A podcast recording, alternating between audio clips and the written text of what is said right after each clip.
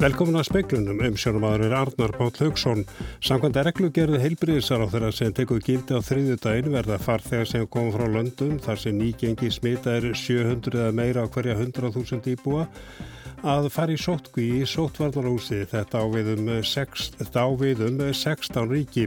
Rösklega 25.000 manns verða bólusett við COVID-19 í næstu viku fram að þessu hafa ekki svo margir fengið spröytu á einni viku.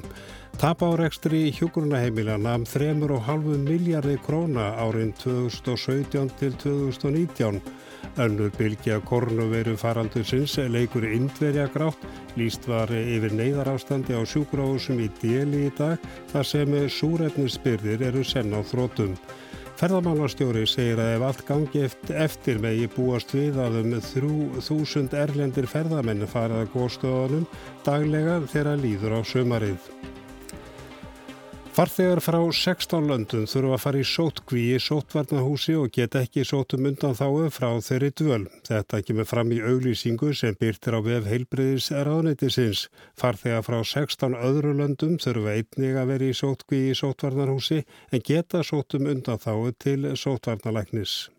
Farþegar frá 11 Evrópulöndum geta ekki sótum undan þáu frá dvöl í sótvarnarhúsi.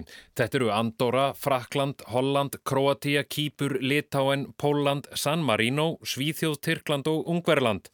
Í þessum löndum er nýgengi smita 700 eða meira á hverja 100.000 íbúa síðustu tvær vekur. Framkemur í reglugerðinni að heimilt sé að miða landið allt við það svæði þar sem nýgengi er hæst. Listin verður uppfærður á tveggjavikna fresti. 16 16 önnur lönd er á lista þar sem fólk getur sótt um undanþáu til sóttvartanlæknis frá því að veri í sóttkví í sóttvarnahúsi. Þar er nýgengi á bylunu 500 til 699 smitt á hverja 100.000 íbúa síðustu tvær vekur. Þetta eru meðal annars meginland Spánar, Tjekkland, Greikland, Ítalija, Rúmeni og Serbia sækja þarfum undanþáu minst tveimur dögum fyrir komuna til landsins. Þetta eru lægri viðmið en búið að var í tilkynningu frá helbriðisráðniðinu í vikunni þar sem lönd voru talin vera há áhættu svæði ef nýgengi þeirra væri þúsund smitt á hverja 100.000 íbúa síðustu tvær vikur. Aðeins fjögur Európulönd fjallu undir þann hatt, Frakland, Holland, Póland og Ungverland. Áfram eru þeir undanþegnir frá sótkví sem geta framvísað vottorði um bólusetningu eða fyrri síkingu en þeir þurfa enguð síður að undirgangast skemun á landamærum. Allir sem koma frá löndum með lægra nýgengi en 500 þurfa eftir sem áður að fara í tvöfalda sínatöku með 5 daga sótkví á milli. Í reglugerðinni er skerft á reglum sem gilda um þá sem eru í heimasótkví. Sótvartanleiknir segir í minnisbladi sínu til helbriðsráð þeirra að frá 17. apríl til 21 apríl hafi 90 greinst með COVID-19 innanlands og að nánast öll smittin hafi mátt reykja til tveggja farþega sem ekki heldur sótt kví eða einangrun við komuna til landsins. Reglugerðin gildir til 31. mæ. Freyr Gíja Gunnarsson tók saman. Áformað er að bólusittja 25.500 manns í næstu viku gegn COVID-19. Þetta segir Svandi Svavastóttir heilbyrðistar á Það verður því langstæsta bólusetningarvikan til þessa. Til samanburðar voru tæplega 14.000 bólusettir undanfarnar sjö daga. Í næstu viku verður haldið áfram að bólusetja þau sem er með undirlikjandi sjútuma með Pfizer og AstraZeneca. Sandís segir að þrátt fyrir að um 100 hafi greinst undanfarnar viku hafi ekki komið til tals að herða aðgerir innanlands vegna þess að það er að hægi hangi saman við gang bólusetninga. Það er mikill gangur í þessu og við myndum til dæmis ekki Uh, á deginum í dag fá upp uh, smit eins og við fengum í landakotti vegna þess að þar eru, núna eru allir heilbyrðistarsmenn bólusettir og allir sem eru yfir tilteknum aldri íbúar hjúkunarheimila og svo framvegist þannig að þau svæði sem eru útsettust fyrir hættulegan faraldur að þau eru meirum en að koma í skjól. Uh, í raun og veru eftir því sem að bólusetningu vindur fram að þá dregur úr hættunni í samfélaginu og þar með ástæðum til þess að vera með harðar aðgerði á. Segir Svandís Svavastóttir. Tap á rekstri hjókunaheimilan hafum 3,5 miljardi króna árin 2017 til 2019. Þetta er nýðustada starfshóps eh, sem heilbriðs á þeirra fóla greina kostnað heimilana. Sveitarfjölu greitu með rekstrinum til þess að dragur hallanum og með þeirri viðbót náðist það niður í halvan annan miljard króna. Starsóparinn vann úr svörum frá 40 hjógrunaheimilum sem reikin eru fyrir daggjöld. Þar á 19 sem að sveitarfjölur reka og 21 hjógrunaheimili sem reikir á félagaformi. Það er af sjálfsegnastofnunum, engal hlutafjölugum eða félagasamtökum og rætt verði við Gilva Magnússon, formann verkefna stjórnarinnar og Eibjörgu Haugstóttur hjá samtöngum fyrirtæki velferðarþjónustum í beitni útsendingu í sjómarsfréttum klukkan 19. Fossættistáðra segir ekki góðan brag á því að stórfyrirtæki séu í málaferðlu við einstakar starfsmenn stofnana þó þurfi frekari skoðun að fara fram áður en að skadleisis ákvæði til handa ofinböru starfsmennum verðu bætt í lögum bætt í lög eins og selabankastjóri hefur kallað eftir. Lögreglustjórin á vestfjörðum vísaði frá kæru samherja á hendur fimm starfsmönnum Sæðlabankans í byrjun mars en útgerðarfélagið kæriði starfsmennina árið 2019 í tengslum við rannsókn á meintum brotum samherja á lögum um gjaldeirismál. Samherji kærði frávísununa til ríkisaksóknara í lókmars sem ákvarða nú hvort hún verði samþygt. Ásker Jónsson sælabankastjóri segist í viðtali í nýjasta tölublaði stundarinnar mjög ósáttur við að samherji fari eftir einstakar starfsmönum bankans með þessum hætti og að það vanti mun skýrari vernd í lögum fyrir ofinbæra starfsmönn.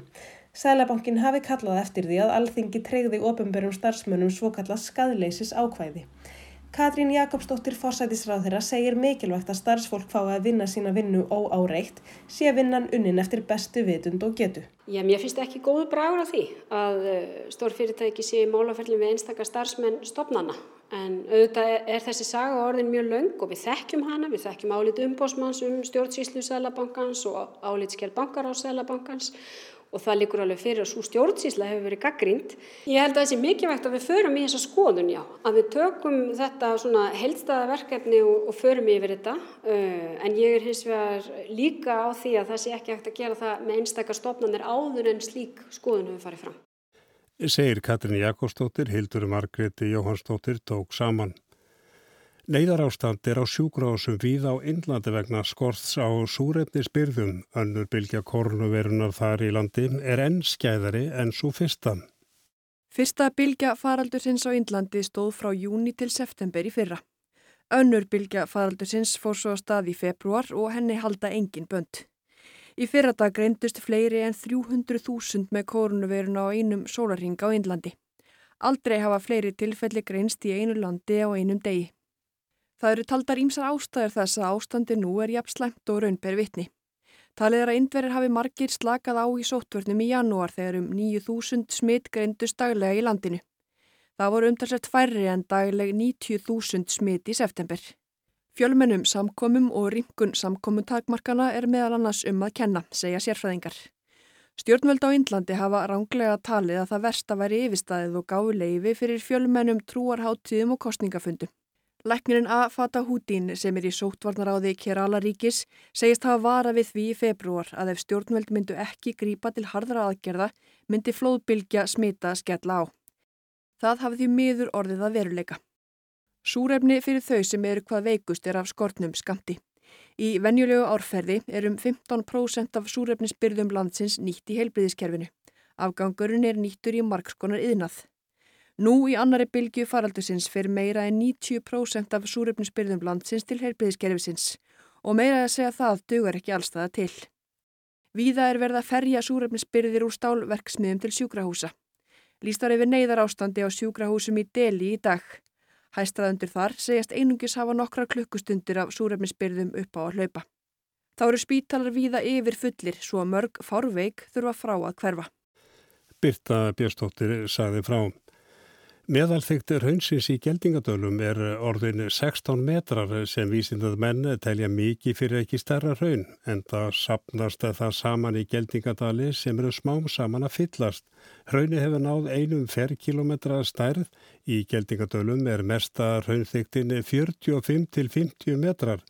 Þetta eru niðurstöðu mælinga jarðvísindastofnar Háskóla Íslands frá því á miðugudaginn. Hraunflæði hefur aðeins minka frá síðustu mælingum úr um 8 í 5 rúmetra á sekundu sem er nálægt miðaltali hraunflæðis síðasta mánuð. Ferðamálastjóri segir að ef allt gengur eftir með í búast við að um 3000 erlendir ferðamenn leggji leið sína í haust eh, daglega gósunni í geldingadölum. Undurbúningur við að bæta aðgengi að góstað er í fullum gangi. Það er ljóst að gósið í geldingadölum er orðið einni vinsalæsti ferðamannastaðu landsins og fastlega má búast við að það verði það áfram í einhver tíma. Nú er unnið að því að koma innviðum í betra stand, leggja ramagna góðsvæðinu og bæta fjarskipti. Stór hópur er að störfum um hvað þurfi að gera til að koma móts við vaksandi ferðamannaströym.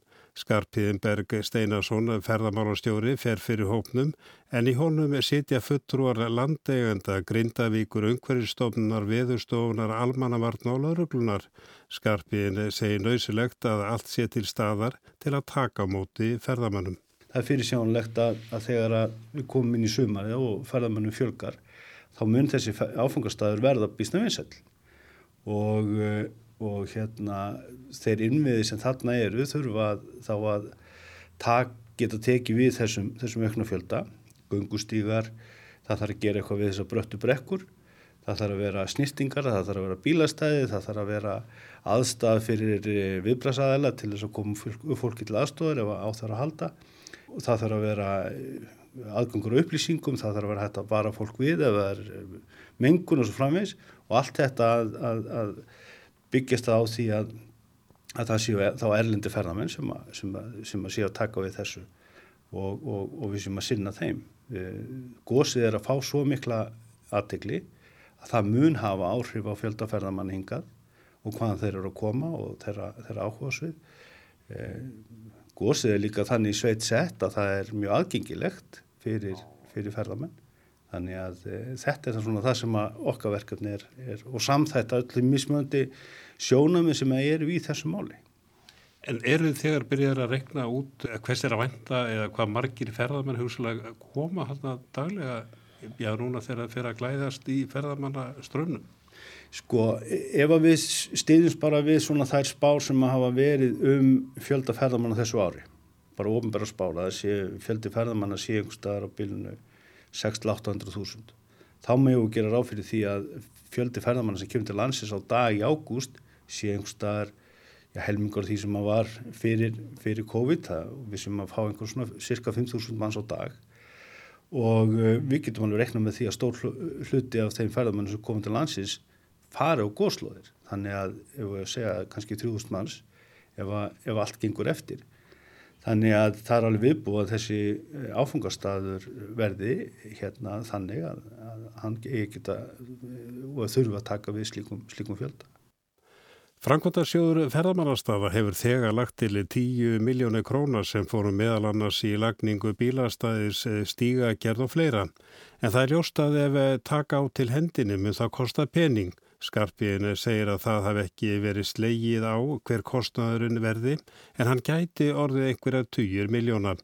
Hann bendir á að landið sé í enga eigum og að eigendunir ráði því hvað verður gert þarna. Frankóndisjóðu ferðamannastaða er, er tilbúin til þess að, að styðja við þetta, þess að innviða uppbyggingu sem þarna er. E, það er líka ímsir þætti sem er fyrir sjálflegt að verði á, á e, herðum landeganda sjálfra að það sé þá atvinnurekstur sem, sem getur geti borðið sig e, til dæmis aðkoma bílastæðum einhverju þjónustu þættir veitingarsala eða annað slíkt en e, að, að, að hérna, ríki sé þá frekar að styðja við e, gungustíga e, og annað slíkt á, á góðslóðunum sjálfu. En finnst þér eða kemur greina að innheimta einhvert gjald er það ekki inn í myndinni? auðvitað er einhver gjaldtaka inn í myndinni. Það far eftir hvernig þessi uppbygging verður, verður gerð og þar ráða náttúrulega eh, landegundur talsvert, talsvert miklu. Það er hins vegar vanandi svona óbyggð svæði að þá er um, umferðaréttur almennings, þessi almannaréttur sem er mjög ríkur og er, er okkur öllum mjög um, mikilvægur.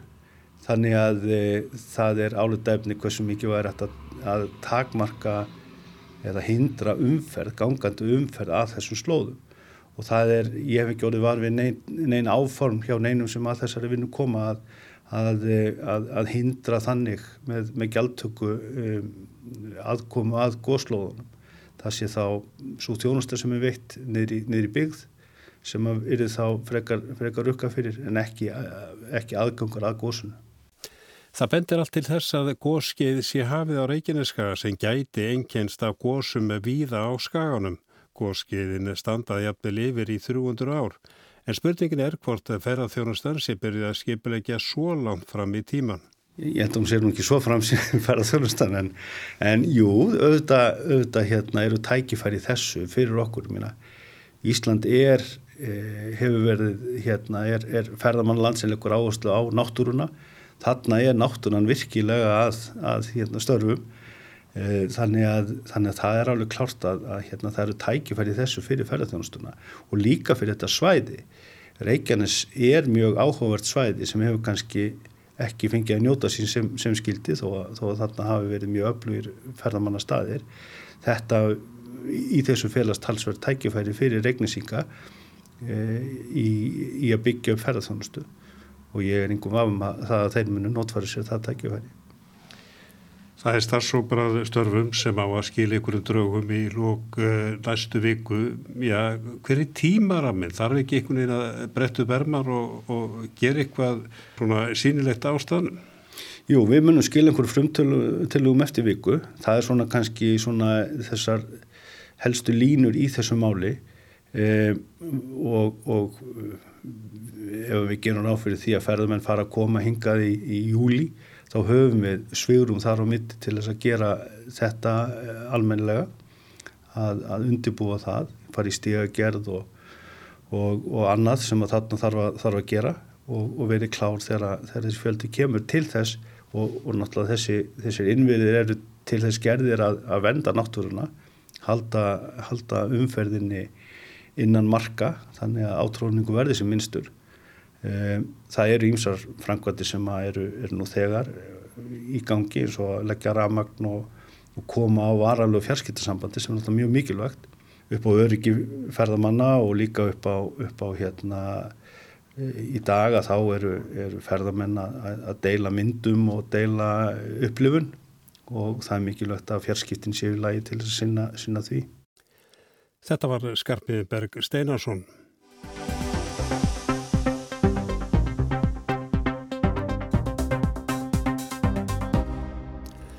Stærsta dagbladar Spánar hefur kortlagt og staðfest 306 tilfelli þar sem kennarar og prestarinnar kathólsku kirkjunar hafa beitt börn kynferðislegu óbeldi. Blaði segir að í þessum málum séu 816 fornalömb aðalega drengir. En ljósi að fornalömb kirkjunamanna hlaupi á þúsundum. Flest börn beri harmsinn í hljóði.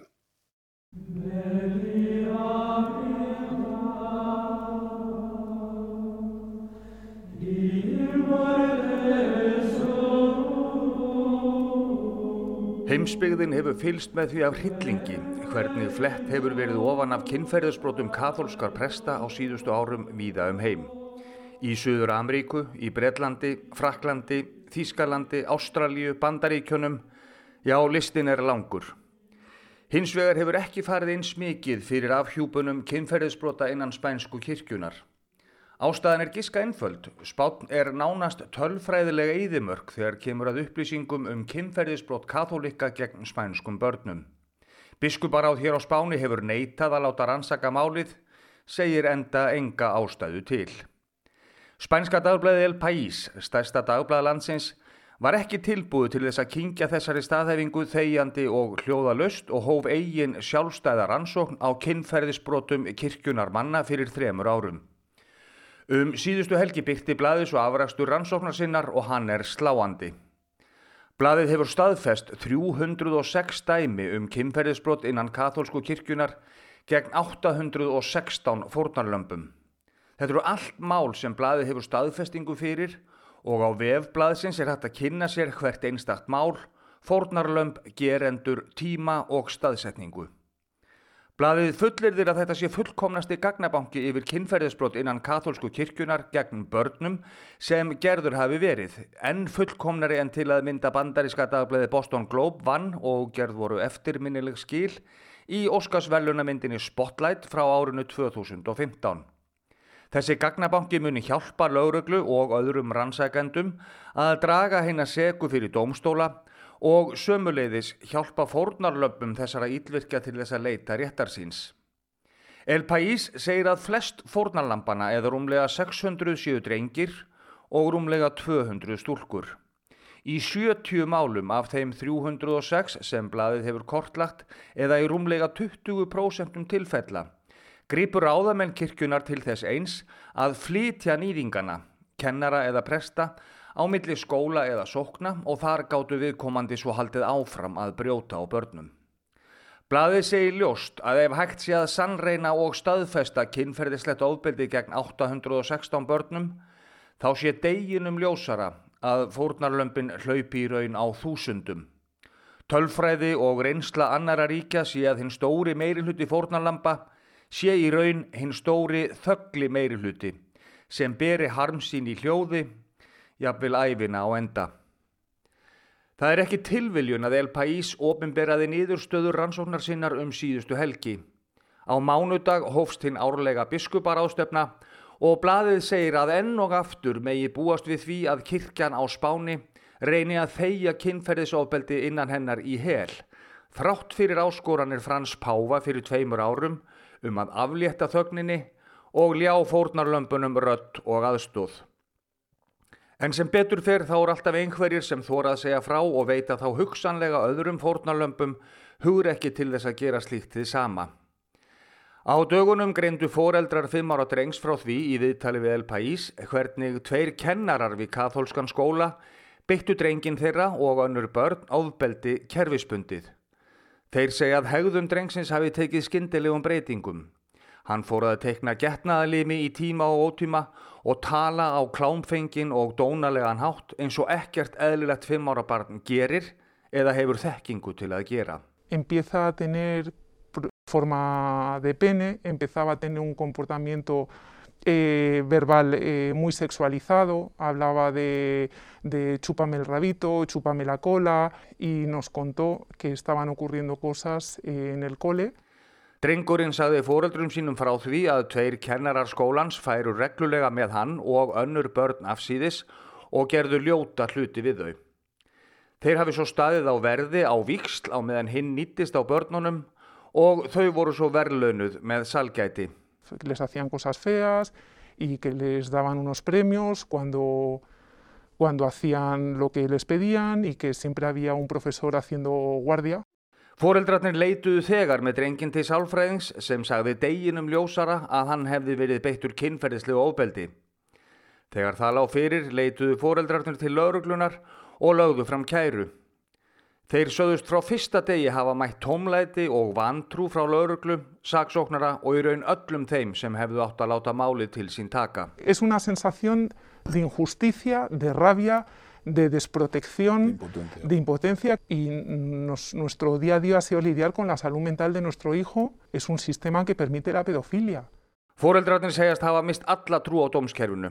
Það hafi brotið niður réttlætiskend þeirra og fyllt þau gremju og reyði. Þeim líði hreinlega eins og spænska réttarkerfið viðurkenni og leifi barnanýð.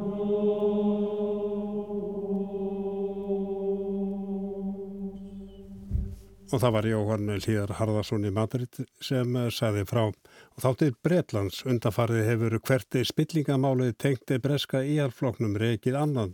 Nú síðast málið tengti forsættis ráþeira. Stjórnaranstæðan gerir sér mikinn mat úr þessu málum og í þeim bergmála spillingarmál fyrri áratuga. Undanfarið hefur spillingarumræðan hér í Breitlandi náð hæstu hæðum rétt einaferðina en margar sögur fléttastar saman nýjar sögur sem bergmála sögur fyrri áratuga. The Prime Minister has been challenged in the Commons over standards in public life. Smear, smear and innuendo. The police are called in to find out who leaked details of MP's expenses. I want to apologise on behalf of... Hartna 1994 voru það frettur um hægðun í ofinberri stjórnsíslu. Ekkert nema örkast og aðdróttanir sagði John Major þá fórsætsráð þeirra og leiðtogi íhalsflokksins í þinginu. Spillingarmálin áttu sinn þátt í kostningatapi flokksins 1997 og Gordon Brown leiðtogi verkamannaflokksins og fórsætsráð þeirra að byggja þjóðin afsökunar eftir ristnusvindl þingmanna 2009. Vandin kannski sá að eftir langan valdatíma eins floks er við spillingu. Nú eru tvær sjóður í gangi, svo fyrri um David Cameron fyrrum fórsætsráðra og ein alveg ný um núverandi fórsætsráðra Boris Johnson. Mál Camerons snýst um störfans fyrir ástralskan umsvegamann Lex Greensill komst upp eftir að fjármálafyrirtæki Greensills fór í þrótt í mars. Greensill var um hríð ráðgjafi David Camerons, þá leðtúa íhjárflokksins og fórsætsráðra síðan orðin starfsmaður Greensills tveimur árum eftir að Cameron sæði af sér sem fórsætsráðra 2016.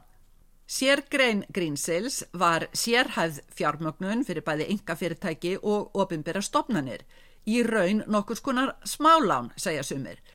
Greensill vildi gerðan komast í viðskipti við ríkistofnanir til dæmis í heilbriðskerfinu og hvað betra en að ráða fyrrum fórsætsráþara sem erindreka, hann þekkti alla var með símanúmerið hjá öllum. Johnson liðkaði fyrir rannsókn á umsugum Camerons nokkra rannsóknir í gangi og fjölmilar hér bæta næstum daglega nýju efni í þessa sögu. Í vikunni bættist við saga af núverandi fórsætsráþara sem Kýr Starmer, leðtogi verkamannaflokksins, bar upp í fyrirspurnan tíma í þinginu í vikunni. What does the Prime Minister think is the right thing to do if he receives a text message from a billionaire Conservative supporter asking him to fix tax rules? Hvað telur fórsætsráður að réttast að gera þegar miljardamæringur og styrtamaður flokksans hefur samband og byður fórsætsráður að laga skattareglur? Starmer vísar þarna til nýra afhjúpana um skilabóðasamskipti ríksugu framleðandans James Dysons. Í upphafi veirufaraldursins böðst Dyson til að framleiða öndunarvélar. Það var reyndar ekki úr en Dyson hafði þá áhyggjur af skattareglum. Skattamál Dysons eru bæði umrætt og eldfim eftir að hann flutti fyrirtækið og sjálfa sig í Erlend skattaskjól fyrir nokkrum árum. Johnson svaraði óhyggað Hann hefði verið að greiða götu Dysons og bæðist ekki afsökunar á því. If he's referring to uh, the request from James Dyson, I make absolutely no apology at all. Allir fórsætsræðrar hefðu gert þið sama til að bjarga málum og erfiðum tímum. Fórsætsræðra nefndi þó ekki að í venjulegum innkaupum hins ofinbera er greitt fyrir þau án þess að breyta í leiðinni lögum og reglum. Svar fórsætsræðra til Dysons var, ég bjarga þessu. Svona væru kunningatengsl nýtti starmer á. Undirborgað hjúgrunafólk gæti ekki sendt skilabóð beinta fórsætsráðra og uppskorið greiðvikni. Einn regla fyrir þá sem hafa símanúmer fórsætsráðra, önnur fyrir alla hina, sagði starmer sem hjólaði svo í fórsætsráðra. Spilling, spilling, spilling. Sleaze, sleaze, sleaze. Klingjandi bergmál af herrferðverkamannaflokksins á tíund áratugnum gegn þáverandi stjórn íhalsflokksins vegna spillingarmála. Sagan snýst um símnótkun fórsætsráðara sem er mjög raustnarlegur á símanúmer sitt og að lofa fólki að kippa hinn á þessi lag. Þetta kuðu valda áhyggjum meðal embetsmanna í kringumann, ekki viðegandi vinnubröð. Talað um að hann eigi að fá nýtt símanúmer og ekki dreifa því. Tony Blair, fórsætsráðara 1997 til 2007, sagðist í viðtali vikunni ekki hafa haft farsíma meðal annars til að sleppa við svona kvap. Og reyndar, eins og í máli Dysons, ekki að færi fórsætsað þeirra að laga eða breyta skattareglum.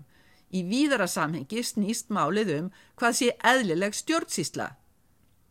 Þessi leki á samskiptum fórsætsráðara og Dysons er aðtiklisverður því það er ekki margir sem hafa þessi skilaboð. Spurning hver leki? Í kringum fórsætsráðara er gengið út frá því að það sé hinn viðfrægi fyrverandi ráðgjafi fórsætsráðara Dominic Cummings. Það er stundum sagt að vandi síni hvert mann leðtói hefur að geima skapi leðtóan. Í tilfellum Camerons og Johnsons verðist að frekar vera að leðtógin skapi vandan. Sigrun Davíðstóttir sagði frá og það verður söðaustan 15-13 metrar á sekund og rigning eða súld með köplum en hægar á þurftu norðaustan og austalands híti 6-12 stig yfir daginn. En það er ekki fleira í speklunni kvöldi tæknumar var Magnús Þorstein Magnússon verið sæl og góða helgi.